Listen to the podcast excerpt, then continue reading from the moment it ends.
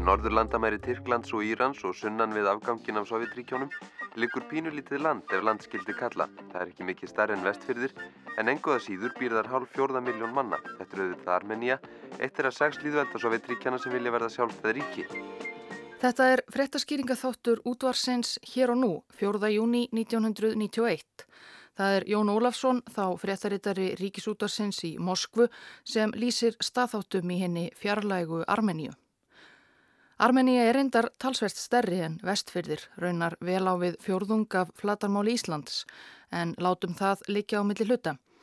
Þetta var á miðjum þeim olgu tímum þegar Sovjetríkin voru að leysast upp og Sovjetlýðveldi eins og Armenia vildu standa á eigin fótum. Leið þessa litla lands til sjálfstæðis átti þó eftir að verða nokkuð erfið. Það var raunar þegar komið í ljós þarna í júnibyrjun 1991, ekki síst vegna deilna armena við nágranna sína í öðru sovitlýðveldi sem einnig leiti sjálfstæðisátt, Azerbaijan. Eða eins og Jón Ólafsson lýsir síðar í pisli sínum í hér og nú. Fyrir auðvitaðnakomandi mann geta endalösar kritur, armen og aserasunnan Kákasusfjalla vist vera dæmigerðar þjóðurnisteilur. Í þrjú og hálft ár hefur gengið á með blóðsúthellingum mismiklum í hvert skipti. Hundruð þúsunda manna hafa þurft að flýja heimili sín, hundruð eru fallin, kannski þúsundir. Þegar maður gengur um götur Jerevan, höfuborgar Armenju, rennur upp fyrir manni hver vonlaus aðstafa þessar þjóðar er. Átökin við Asera hafa sógið blóðuð úr þjóðinni, fólk viðurkennir fústlega að það sé eins og ekkert gangi. Og þegar komiður út fyrir höfuborgina finnst manni beinlínis eins og allir séu að býða eftir einhverju. Við landamærin er ástandið sínu verst, Engum er hleyft yfir til Azerbaidsjans þar standa hermenn gráir fyrir hjárnum.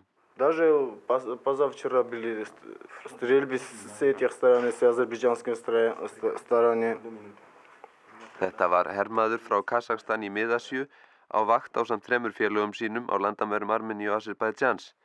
Hann er ólæs og kann lítið í rúsnesku, tvítugur að aldri. Hann er fremur óörugur með sig en segir okkur þó að hann teldi armen og aser að berjast af heft var ekki sovjetherrin undir vopnum og landamærunum til að gæta þeirra.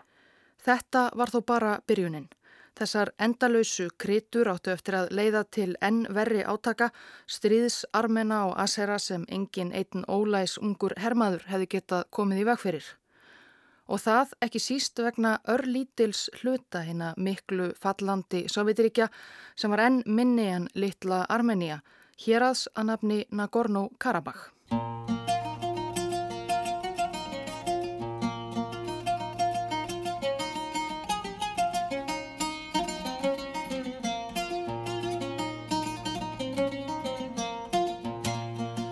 Nagorno þetta Karabakh var þá hérað í Sovjet-líðveldinu Azerbaijan skamt frá landamærum þess að Sovjet-líðveldinu Armeníu. Það var og er um 4400 ferkilometrar að flatarmáli. Það er ef við höldum okkur við íslenska mælikvarða örlítið stærra en austur Húnavarsísla. En þar hafa alltaf búið langt um fleiri enn í Húnavarsíslu. Nafnið Karabakh er tyrknest persnest og þýðir svartur gardur. Nagorno er hins vegar rúsnenska og þýðir einfallega fjöllót eða hálend. Þá nafngift ber héræðið með rendu en það staðsett mitt í hinnum tilkomumikla Kákasusfjallgarði og skartar háum tilkomumiklum tindum og djúpum dölum. Menn hafa búið í hlýðum fjallana í þúsundir ára en eins og flest annað í Nagorno-Karabakh er saga héræðsins gríðarlega umdelt. Þarna hefur lengi búið fólk bæði af þjóðum armena og asera og armenskir og aserskir sakfræðingar hafa eitt heilu mannsæfunum í að rýfast um sögu héraðsins um allt frá megin atriðum neður í minnstu smáatriði. Nokkuð ljóst er að saga búsettu armena á svæðinu er laung allavega. Fyrstu armenarnir eru taldir hafa sestar að mörgum öldum fyrir okkar tímatal og á fyrstu öld fyrir Krist var héradið sem armenar þess tíma nefndu Artsakh, orðið hluti af stórveldi armenska konungsins tíkrannisar mikla. Eftir að armenar tóku kristni þjóða fyrstir blómstraði menning þeirra á þjóðvitund ekki síst í klaustrum og kirkjum Artsakh. Þar var fyrsti armenski klausturskólinn þar sem kent var hið nýja armenska stafróf og þar byggu og störfuðu mörg merk armensk skáld og fræðimenn. Síðar lendi héradið á áhrifasvæðum íslamskra heimsvelda og þar settust að persar og tyrkir þar á meðal tyrknesk þjóð sem síðar var kent við Azerbaijan. Á 19. öld varð Karabakh hluti rúsnenska keisaradæmisins eins og stór hluti Kaukasus fjallgarsins og svo síðar hluti af Sovjetríkunum. Kanski má rekja ógæfu Nagorno-Karabakh á síðari árum til þess. Þegar Sovjetiríkin voru sjálf enn nýju fersk á heimskortinu fannst ráðamönnum þar aðkallandi að hefjast handa við að teikna upp á nýjanleik hinn ímsu innri landamæri og setja á fót allskins stjórnskipunar einingar í fjarlægum hornum ríkisins. Þar á meðal í Kaukasus, þar sem meðal annars voru dreyin upp Sovjet-liðveldin Georgia, Azerbaijan og Armenia. Þó svo að íbúar Nagorno-Karabakh væru þá að miklum meiri hluta armenar og héradið hefði þessa löngu sögu armenskrar búsetu var ákveðið að það skildi hafa ákveðin sjálfstjórnar réttindi en annars tilheyra Sovjetlíðveldinu Azerbaijan. Íbúar hvers voru að meiri hluta áður nefnd tyrknesk muslimaþjóð Azerar. Fræðimenn deila ennum hvers vegna þessi leið var valinn. Kanski vegna þess að sovjetmenn voru jú alltaf hrypnir af því að deila og drotna. Eða kannski vegna þess að það var auðveldari lausn en að hafa einhvers konar bút af Armeníu innleiksa í því sem átti að verða Azerbaijan. Sá sem hafði umsjón með þessum landamæra æfingum í kringum árið 1920 var maðurum Fertugt sem var þá á hraðri leið til metorða í Sovjetiríkunum. Hann var sjálfur, fættur og uppalinn í Kákasusfjöllum og hefur því kannski þekkt eitthvað til þannig en reyndar var hann korki Armeni nýja Aseri, heldur Georgiumadur. Það var Jósef Stalin. En við skulum færa okkur aftur örlítið fram í tíma.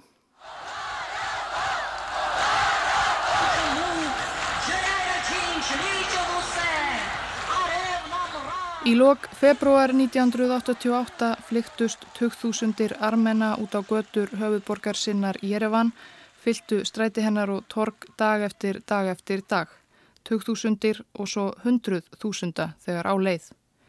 Í um 2000 km fjarlægði í Moskvu fylgdust menn forviða með. Þetta voru einhver mestu fjöldamótmæli sem sérst höfðu í Sovjetríkunum.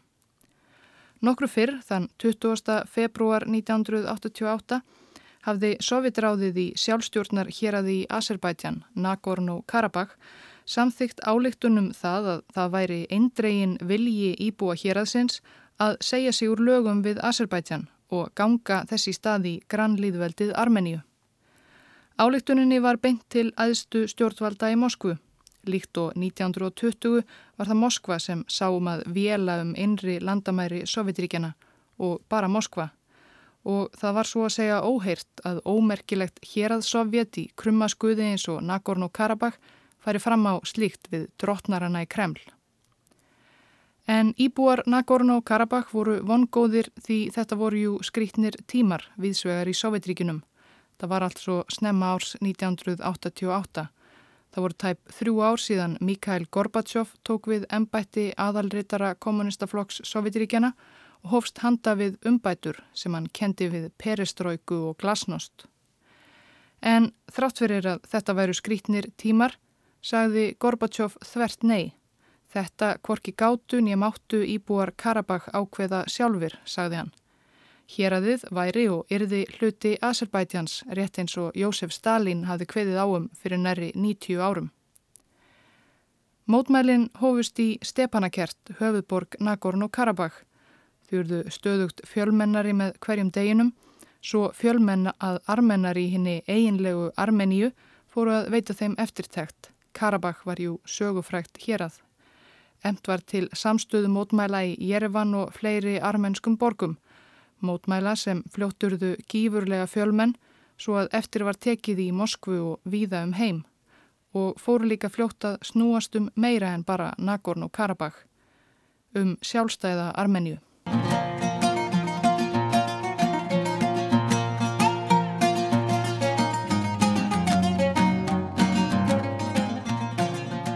Stjórnvöldi í Sovjetríkinum hafðu alla tíðlagt áherslu á alþjóðahyggju og að tryggja friðsamlega sambúð þeirra fjölmörgu þjóða sem byggu í þessu víðfæðma ríki eða gerðu það að minnstakosti í orði.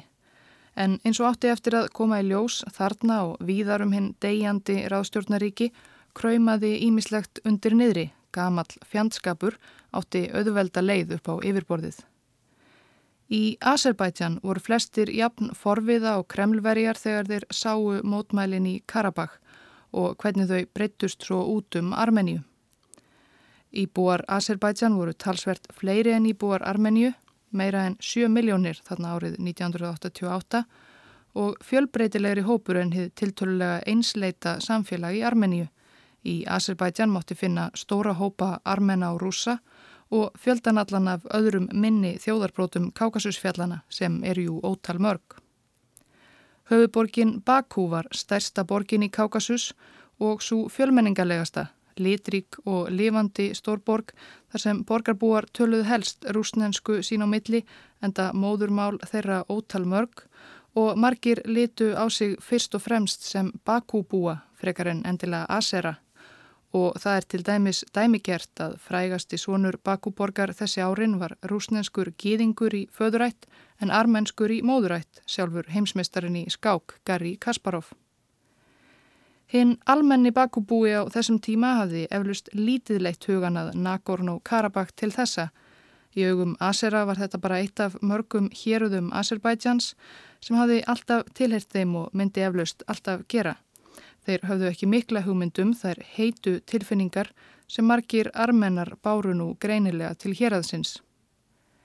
En enguða síður kunnu asirar því ítla þegar uppspratt reyfing í grannríki þeirra sem virtist frá þeirra sjónarhóli séð hafa það markmiði að brjóta niður líðveldi þeirra, stela bút úr Azerbaijan, þeirra landi.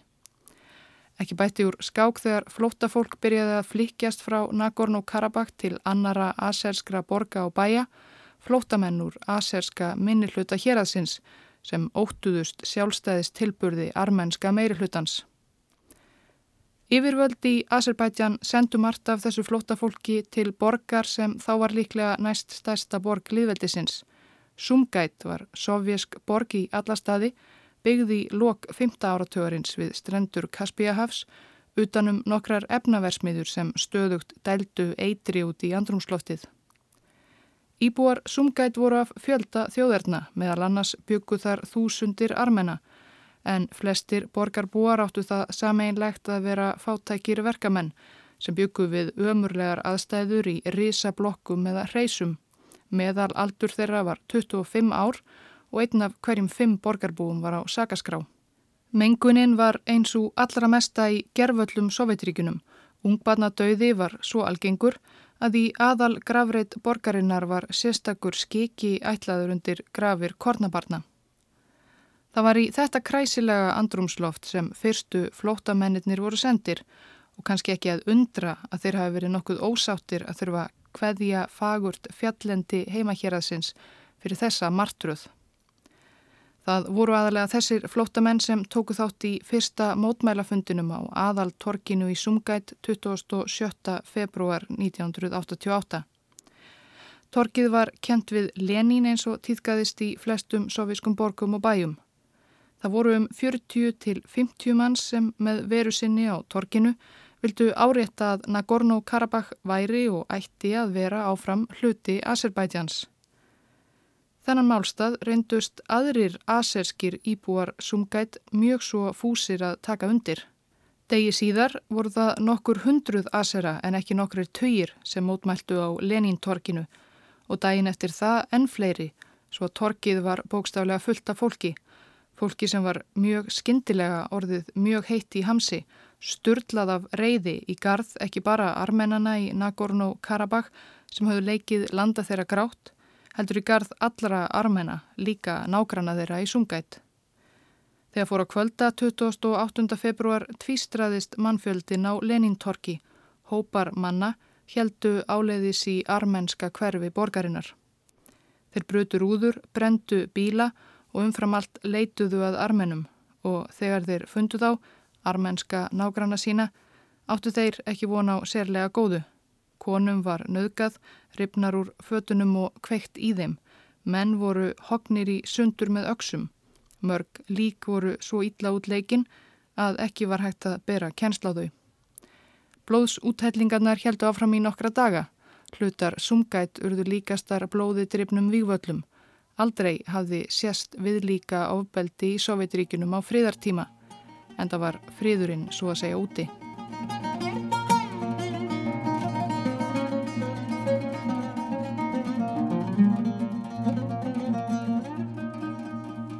Kjölfar fregna af ótaðisverkunum flúðunar allir armennar í Sumgætt borgina og þúsundir landa þeirra víðar í Azerbaijan fylgdu á hæla þeirra og flúðu til Armeníu.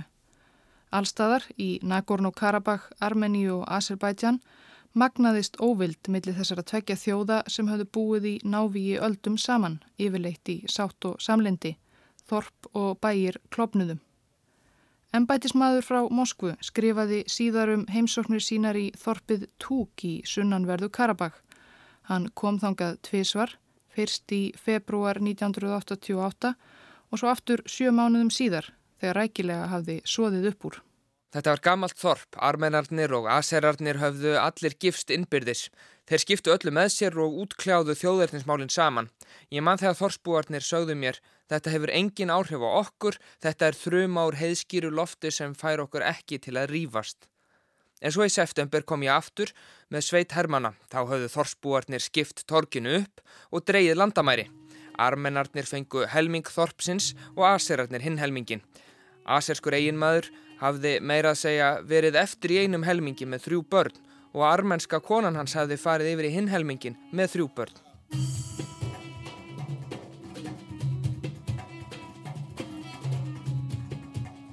Eftir sumar og haust sem einkendist af fordæmalösum fjöldamótmælum, landamæraerjum, flótamanna, ströymi og olgu reið enneitt áfallið yfir Armena þann 7. desember 1988. Skömmu fyrir hádegi að staðartíma reið jarðskjálti af stærðinni 6,8 yfir norðanvert landið.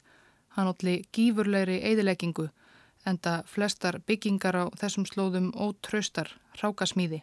Hrundu einfallega eins og spila borgir þegar jörðu skók.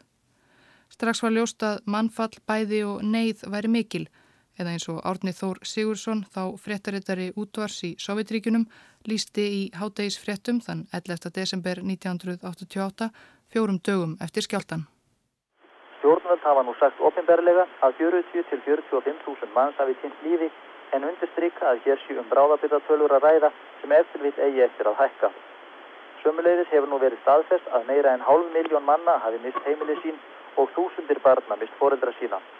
Fjölmarkir sem mist hafa börn sín hafa þegar tekið að sér munaðalus börn af því að soviska fréttastofan TASS skýrir frá í dag.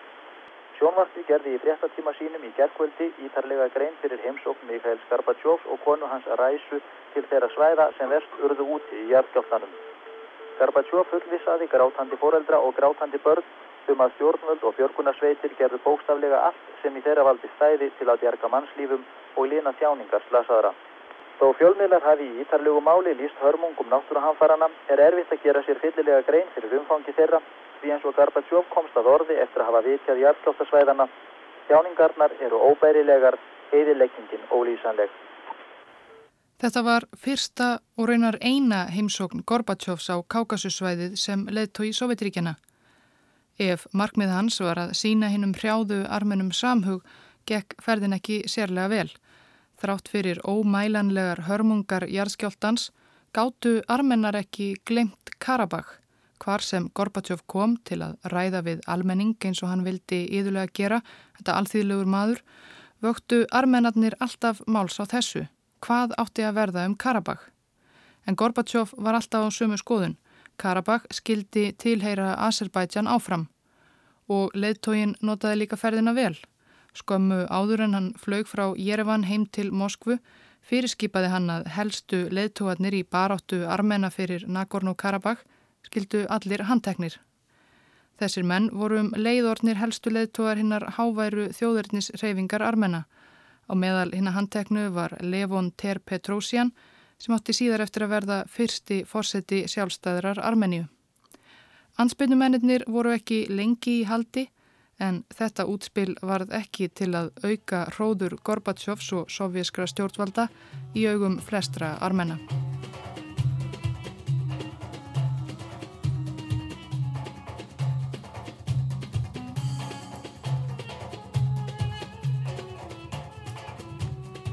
Þjóðurnisinnar voru í sókn viðsvegar um Sovjetríkin, líka í Azerbaijan. Aserska þjóðfylkingin, svo nefnda, var stopnuð sumarið 1988 með það markmiði að berjast fyrir frjálsu sjálfstæðu Azerbaijan og varð fljótt áhrifamikil. Það var kannski ekki síst deilanum Nagorno-Karabakh sem kveikti þjóðernis eld í brjóstum baróttufólksins og almennings. Deilan komst enda fljótt á mjög alvarlegt stig. Víga sveitum Armena og Asera, oftar en ekki voru það sjálfbúðaliðar vopnaðir veiðiriflum og öðru lauslegu, lendi ítrekkað saman innan Nagorno-Karabakh sem og við landamæri héraðsins og á landamærum Armeni og Azerbaiджans. Sumarið 1989 mótmæltu reglulega 100.000 Asera á gödum Bakú líkt og armennar hafðu gert sumarið áður fyrir líðræði og sjálfstæði og fyrir Nagorno-Karabakh sem átti að halda innan Azerbaijan. Andúð Azera kakvart armennum blómstræði einnig á þessum tíma, jafnvel í heimsborginni Bakú. Um miðjan nýjunda áratugin hafðu búið þar 200.000 armennar, margar fjölskyldur, verið þar kynsluðum saman. En í árslokk 89 voru af þessum mikla fjölda eftir aðeins í mestalagi nokkur þúsund manns, aðlega gamalt fólk sem ekki hafi lagt í að flýja til Armeníu með löndum sínum og þorðu nú varla út úr húsi af óta við hemdar aðgerðir aserskra granna sinna. En það átti þó ekki eftir að verða þeim til bjargar því á endanum komu aseratnir inn. 13. janúar 1990 var haldinn enneitt fjöldafundur á aðaltorkinu í Bakú sem jú var kent við Lenin á þessum tíma. Mannfjöldin fylti víðáttu mikið torkið Mörgum var heitt í hamsi og hópur manna hjælt svo inn í armenska hverfi borgarinnar og næstu klukkustundum breyttu þeir því blóðugan vývöll. Múurinn ruttist inn í íbúðir þar sem enn byggu armennar, dróða út, gekk í skrokk á þeim, barði til bana, hendi fram af svölum, pintaði og limlesti. Yfirvöld gerðu lítið til að stóðifa blóðbaðið sem hjælt áfram í nokkra daga. Að minnstakosti 90 armennar letu lífið mörg hundruð særðust, þeir sem komist lífsaf flúðu flestir til Armenju. Þessir hörmungaratburðir í Baku í janúar 1990 eru kentir við svarta janúar, en fleira áttir reyndar eftir að bætast við til að undirstryka þá nafnbót. Eftir þetta fordæmalösa blóðbað mistu stjórnvöldi Sovjet-Azerbaijan tökin á höfðborginni Bakú var svo gott sem á valdi óerða segja á röðum rótækasta á hatursfylsta arms stjórnaranstöðunar. Þeir settu upp vegatálma og varstöðvar við stjórnarbyggingar. Þeir reistu líka gálga fyrir framann byggingu miðstjórnar aseska kommunistaflokksins. Hvort hann átti bara að vera ógnvænlegt tákn til að skjóta kommunistunum innan vekja byggingarinnar skelki í bringu eða hvort ætluninn var bókstaflega að hengja þá, það er óvist. Það kom allavega aldrei til þess að gálgin er þið tekin í gagnið því aðfara nótt 20. janúar, viku eftir blóðsúthellingarnar í armenska hverfinu, lísti Mikhail Gorbachev yfir neyðar ástandi í Bakú og kallaði út herin.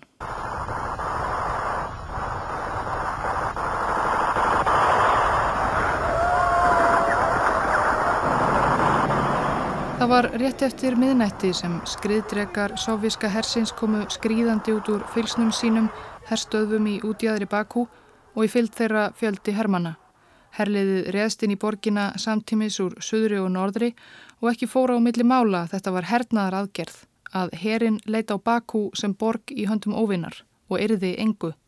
Skriðdrekarnir rulluðu yfir vegatálma, bíla og jáfnvel sjúkrabíla Hermennir skutu af handahófi á fólk sem flúði, menn, konur og börn. Þetta var í fyrsta sinn sem sovíski herin réðst af fullum þunga inn í borg sem þegar tilherði Sovjetríkunum. Það tók hann bara örfávar klukkustundir að ná borginni á sitt vald en 130 borgarbúar letu lífið þessa nótt. Herin og stjórnvöldi Kreml hafðu þá sigrað Bakú en þeir hafðu tapað Azerbaijan Aserska þjóðin var bálreið yfir framgangi stjórnvalda í Moskvu. Tugþúsundir mættu í útfarir þeirra sem fjallu, jável gall hörðustu kommunistar brendu flokks skýrsteini sín á báli. Síðar hafa fræðimenn skilgreint atbyrði eins og svarta janúarin í Azerbaijan sem dauðategjur Sovjetiríkjana. Smátt og smátt snýrust Sovjetlíðveldin gegn stjórnvöldum í Moskvu, horðu í sjálfstæðisátt og tóku í raun ekki í mál að Moskva maldaði í móin. Armenia lísti yfir sjálfstæði þann 23. ágúst 1991 og Azerbaijan fylgdi á hæla hennar viku síðar.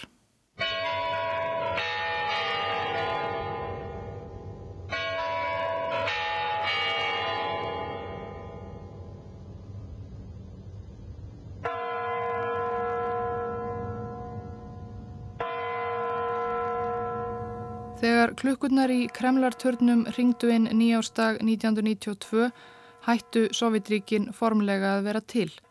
Þeirra í stað komu fjölmörg ný ríki, þar á meðal Armenia og Azerbaijan.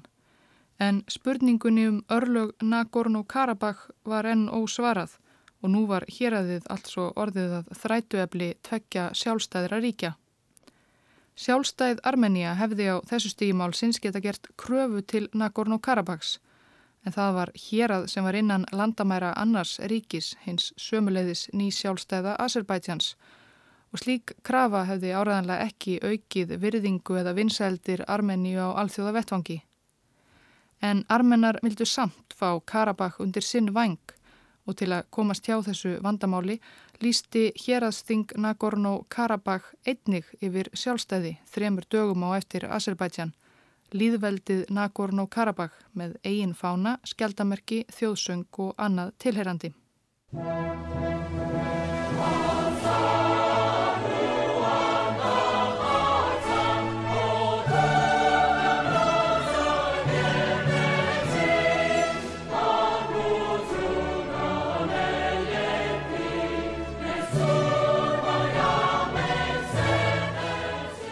Íbúar þessa nýja liðveldis voru um 200.000 og hefðu þegar átt í mannskeiðum deilum við aserska granna sína árum saman. Þær deilur áttu sannarlega eftir að magnast við þetta nýjasta útspill. Þó svo að stjórnvöldi í Armeníu með því að fá litla bróður í Karabakh til að lýsa yfir sjálfstæði þættust nú engan hlut eigað máli var fljótt ljósta það var fyrirsláttur og ríkin tvö áttu nú í alvöru stríði. Stríðið byrjaði dálitið bröðsuglega ef svo máðu orði komast. Það flækti málin að bæði ríkin voru svo nýlega sjálfstæð að þau höfðu ekki haft tóm til að koma sér upp neinu sem hægt var að kalla herabla. Samt ákvaðu þau að hella sér út í heljarinnar stríðsregstur. Nýjum herjum Armeníu og Azerbaijan var tjaslað saman með því að kalla reynslulösa unga menn til herþjónustu og innlima jáfnframt í herin vígasveitirnar sem hinga tilhauðu tekið þátt í skærunum um Karabakh. Fjöldi sjálfbúða liða gaf sig einnig fram, óðir og uppvægir að verja föðurlandið og berja á ofinninum, stundum misjafnar týpur. Vopn og annar búnaður var auðvitað líka af skortnum skamti, sem og peningar og vistir og þjálfun og já, flest annað sem þarf til að byggja upp sómasamlegan herr. Í herjum begja landa ríkti ringulreið eða eins og læknir sem gekk til liðsvið Arseska herin vorið 1992 lísti síðar. Það var engin einn her, það voru sex eða sjö mismunandi sveitir sem að börðust við armennana. Fyrir sveitunum fóru einhverju glæphónar og bandítar þarna úr sveitinni sem hafðu setið í mörg ári í sovjaskum fangelsum fyrir morð eða aðra glæpi og svo börðust þessar sveitir líka innbyrðis. Til dæmis ákvaðu þeir að leggja undir sig einhvers konar rúsneska vopnageimslu. Það er náðinni en einn maður náði fimm skriðdrekum og annar bara einum og þá voru þeir orðnir óvinnir. Svo að þessar sex sveitir gáttu aldrei ráðist á neitt skotmark saman. Einn reðst til atlögu en hinn er sögðu, nei, við viljum ekki berast í dag. Glæpamenn eru oft mjög þjóðræknir, stríð er gott fyrir glæpona. Maður getur gert það sem maður vill, limlest og drepið Mentamenn far ekki í stríð, það eru glæpamenn sem far í stríð og á þessum tíma voru það glæpamenn sem leittu herin okkar. Og við slíkar aðstæður er það svo auðvitað almennir borgarar sem mest á mæðir. Armenskir hermenn neittu aserska íbúa Nagorno-Karabakh til að yfirgefa heimili sín og þorp og leggja á flóta og asersku hermennir gerðu slíktið sama með armenna sem urðu á vegi þeirra. Þó svo að mannfall í stríðinu það er um 30.000 manns, slægi kannski varðla upp í önnur sambærileg hryllingsstríðum þessar mundir eins og í Bosni og Tjetjeníu, var flótamannavandin sem skapaðist vegna átakana eitt sá mesti sem sérst hafi til þessa á heimsvísu. Mörg hundruð þúsund manns lendu á rakhólum. Hvarvetna fóru heyrir Beggjaríkja fram með grimd. Fjöldamorð og þjóðarnis hreinsanir á síðustu árum Sovjetiríkjana hafðu gefið tónin fyrir það sem koma skildi. Það er nóg af hryllingssögum í stríðinu um Nagorno-Karabakh. Í februarlokk 1992 Fjórum árum eftir morðin á armenunum í Sumgætt 88, næstum upp á dag, réðust armenskir hermennin í Aseskan bæ, Kotjali, og skutu miskunnar löst á almenna borgara sem lögðu á flóta. Sumir voru einfallega teknir af lífi, skotnir í höfuðið af stuttufæri. Bladamadur Lundunarblaðsins Times kom til Kotjali skömmu eftir fjöldamorðin.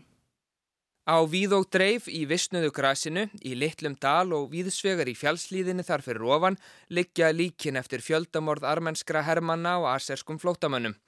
Af 31 líki sem við sáum var aðeins einn lauruglumadur og tveir sem virtust vera sjálfbóða hermenn í enginnispúningum.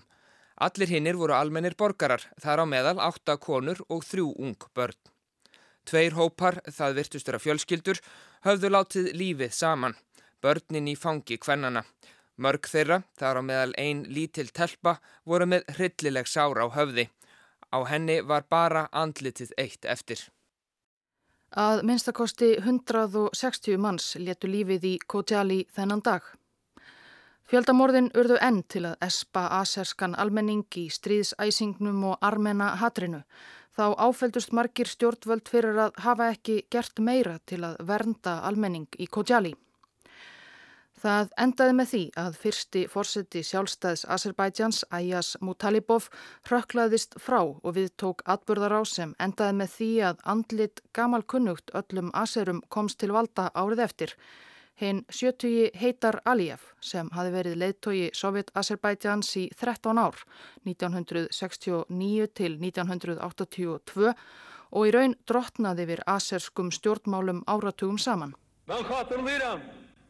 91 yılın evvelinde fevral ayında ben ilk defa Ali Sovjetin sesçasında gelip çıkış ederken Aliyev satt á fórsetastóli næstu tíu árin til dauðadags og notaði þann tíma til að byggja upp personudýrkun á sjálfum sér. Hann útnemdi sig föður asersku þjóðarinnar, hann setti upp myndir af sér og stittur viðsvegar um landið og hófst svo auðvitað handa við aðra klassíska yðju einræðisherrans að stinga beint í eigin vasa ólíuauði asersku þjóðarinnar. Hann bjó einnig svo um hnúta að sonur hans Ílham tæki við á honum eftir hans dag.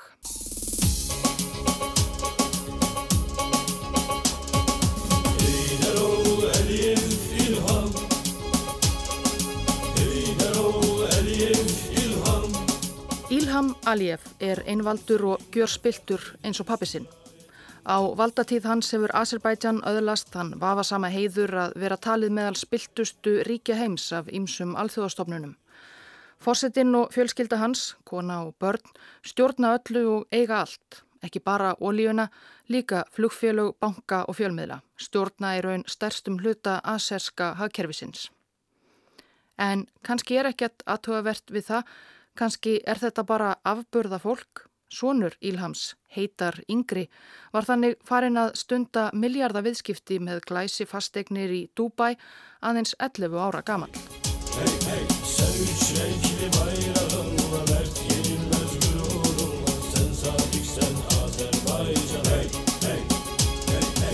Fjöldamorðin í Kotjali voru líklega mannskeiðasta og grimmilegasta einstaka ódæðisverk stríðsins um Nagorno-Karabakh en eftir því sem á leið urðu átökin verri og verri. Fleiri og fleiri ungir menn, óreindir herrmenn úr herjum begja ríkja fjallu í valin sem á auðvitað fjöldi óbreyttra borgara, manna, kvenna og barna sem fátt höfðu til sakarunnið. Flótamenn, aserskir og armenskir hröktust til og frá átakasvæðum. Það bætti ekki úr skák þegar fyrverandi sovjetlýðveldin deildu vopnabúri sovjerska hersins sáluga bróðurlega á millisín vorið 1992. Bæði Armenia og Azerbaijan fengu sinn skerf af skriðdregum, orustuþótum, eldflögum, sprengjum og bissum. Loksins almennileg vopn. Nú var hægt að hefjast handa við að drepa fyrir alvöru og hermenn letu ekki sitt eftir leikja. Mest mannfall var á síðustu árum stríðsins 1993 og 1994. Stríðið leik efnahag Beggjaríkja líka grátt. Þegar þau hefðu átt að vera styrkja innviði sína og jafna sig á sovjettímanum fór allt í stríðsregstur. Sérstaklega hefur Armenia í raun aldrei náð fullum efnahagslegum bata eftir að aserar og bandamenn þeirra Tyrkir lokuðu á nær allar vörusendingar til og frá landinu um ára byll. Landamæri Armeníu og Tyrklands eru enn lokuð og ríkin eiga engin formleg samskipti. Ekki frekar en Armenia og Azerbaijan sem enn eru erki óvinnir meira segja í Eurovision. En eftir sex ára átök sem engan enda virtust ætlað að taka, 30.000 fallna og óteljandi flótamenn á rakkólum voru deilu aðilar loks að niðurlótum komnir. Samið varum vopnallíja með milligöngu rúsa í Biskek höfuborg Kirkistans. Vopnallíð tók gildi eina mínútu yfir miðnetti þann 12. mæ 1994.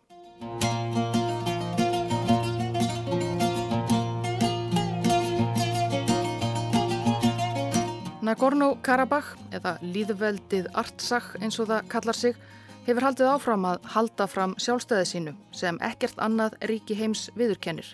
Ekki frekar en önnur umdelt klopningsríki sem eitt sinn tilheyrðu Sovjetríkunum eins og Abkhazia, Suður, Ossetia og Transnistria. Já, þessi ríki viðurkenna reyndar oft hvert annað. Nagorno-Karabakh er sára fátækt og tækifærin þar fá og hefur haldist á floti þöks í efnahags og hernaðarlegum stuðningi stóra bróður í Armenju. Öll þau ár sem liðin eru frá Vopnallés samningnum 1994 hafa samskipti Armeníu og Azerbaijáns lítið batnað. Ítrekkaðar tilraunir til að semja endanlega um frið og örlög Nagorno-Karabakh hafa lítinn sem engan árangur borið. Það eru heitar tilfinningar og fjandskapur á báða bóa. Þetta hefur því raun verið frosið stríð sem af og til þiðnar.